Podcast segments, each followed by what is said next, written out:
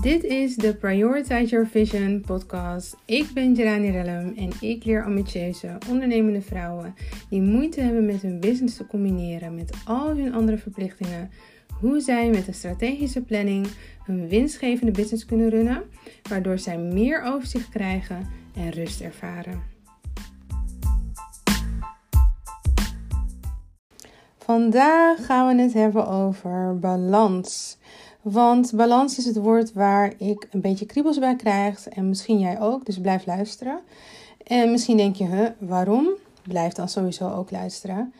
Um, dit onderwerp is ingebracht door een van mijn volgers, Joella. Super tof dat je dit hebt ingebracht. Ik heb er het een en ander over te vertellen en ik heb mijn mening erover. Um, dus ik ben benieuwd wat jullie hiervan vinden.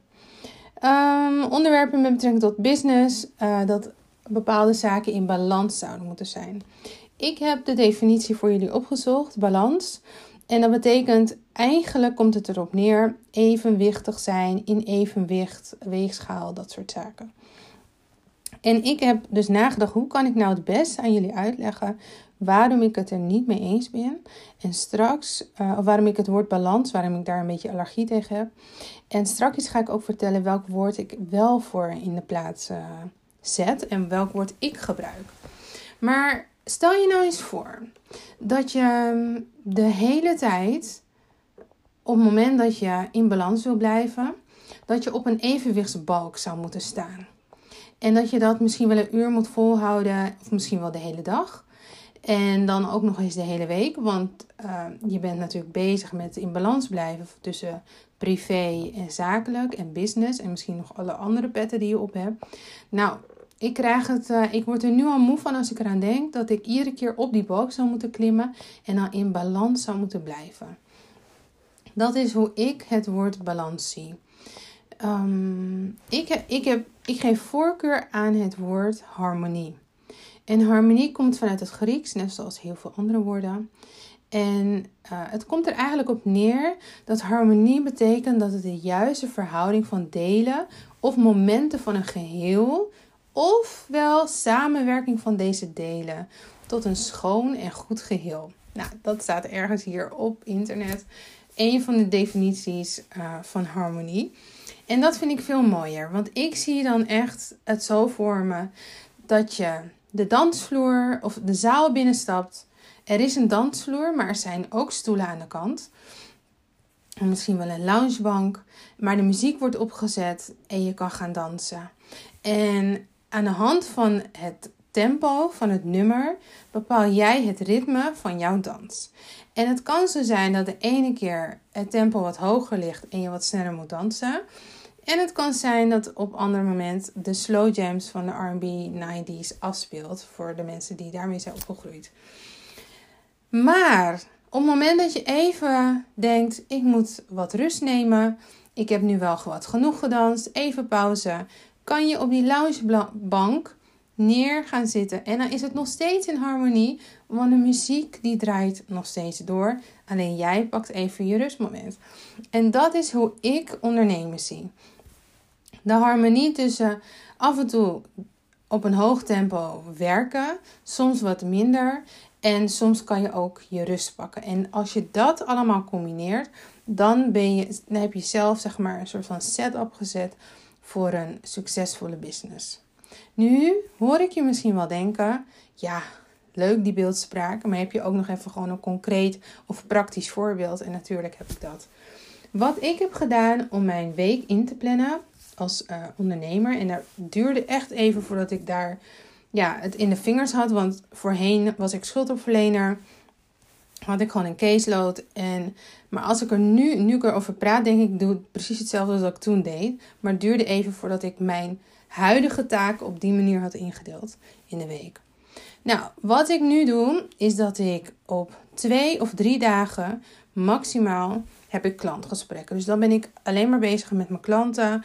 En heb ik kennismakingsgesprekken, coachingsgesprekken, mentorgesprekken. doe ik achter elkaar. En max 4 tot max 5 gesprekken op een dag. Even afhankelijk van het aantal gesprekken en ook de aard van de gesprekken. Op de andere twee dagen, of soms drie dagen, ben ik bezig aan mijn business. Dus wanneer je met je klanten bezig bent, ben je bezig in je business. Of als je producten aan het verpakken bent, ben je bezig in je business. En als je aan je business werkt, dan ben je bezig met content maken, je website up updaten, e-mails verzenden, ja, programma's ontwikkelen, etc. En dat is voor mij, dat gaat op een wat lager tempo. Omdat ik een ander gedeelte van mijn hersenen gebruik. Ik kan niet goed uitleggen, ik ben geen neuroloog. Maar je kan je voorstellen als je met klanten in gesprek bent, dan moet je ad hoc kunnen reageren op hetgene wat er gebeurt. En je bent ook bezig met het, ja, het leren van de vaardigheden waarvoor de klant jou heeft ingehuurd. En op andere dagen ben ik vooral aan het ontwikkelen. Dus ben ik heel erg aan het nadenken. Sommige dagen studeer ik vooral. Dus dat is echt heel erg in mijn eentje. En dat andere is met uh, tweeën of misschien wel meer. Waarom heb ik mijn dagen nou zo ingedeeld? Is omdat ik merkte dat ik telkens switch, switchte van um, soort taak. Dat ik helemaal niet efficiënt bezig was. En dat ik iedere keer weer erin moest komen. Terwijl als ik nu op maandag het eerste gesprek heb gehad, zit ik al in die flow van gesprekken voeren. En op donderdag ben ik vooral aan het content aan het creëren en uh, nou ja, programma's creëren. En ik start dus ook zo de dag. En zo eindig ik ook de dag. Ik werk dan in twee blokken met echt een pauze ertussen. Dus ik hoop dat dit helpt met een praktisch voorbeeld. Weekenden werk ik eigenlijk nooit. Als ik werk, dan heb ik een, een in een opwelling een heel erg goed idee en dan moet ik dat nu uitwerken, anders is het weg. Maar dan maak ik het soort van concept. En dan typ ik dat, ben ik hooguit een uurtje bezig, misschien wel twee, drie uurtjes. Maar daarna doe ik mijn laptop dicht en dan ga ik weer verder. Maar doorgaans werk ik in het weekend niet. Dus dat is mijn moment dat ik op die loungebank neerplof en dat ik mijn rust pak. En dat ik tijd doorbreng met familie, met vrienden. En uh, ook gewoon lekker in mijn eentje met mezelf, en daar hou ik van. Ik hoop dat deze podcast jou heeft geholpen. Uh, met het verschil tussen balans en harmonie. Ik ben benieuwd wat je ervan vindt. Dus ik heb niet per se een opdracht voor vandaag.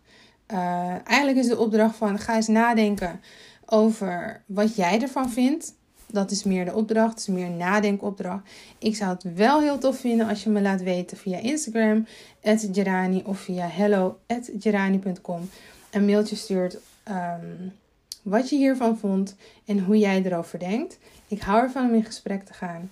En um, nou, dan zie ik je morgen weer bij alweer dag 5, de laatste dag van deze werkweek. Uh, van elke dag een podcast in januari. En ik wil ook niet afsluiten met je een gratis strategie-sessie aan te bieden. 30 minuten lang sta ik tot jouw beschikking. En dan krijg je van mij tenminste drie waardevolle tips om uh, ja, waar, met betrekking tot jouw vraag en jouw business om aan de slag te gaan. Check dat via Instagram, via de link in mijn bio of via gerani.com. Kan je die gemakkelijk inboeken in mijn agenda en dan zie ik je vanzelf verschijnen. Hele fijne dag!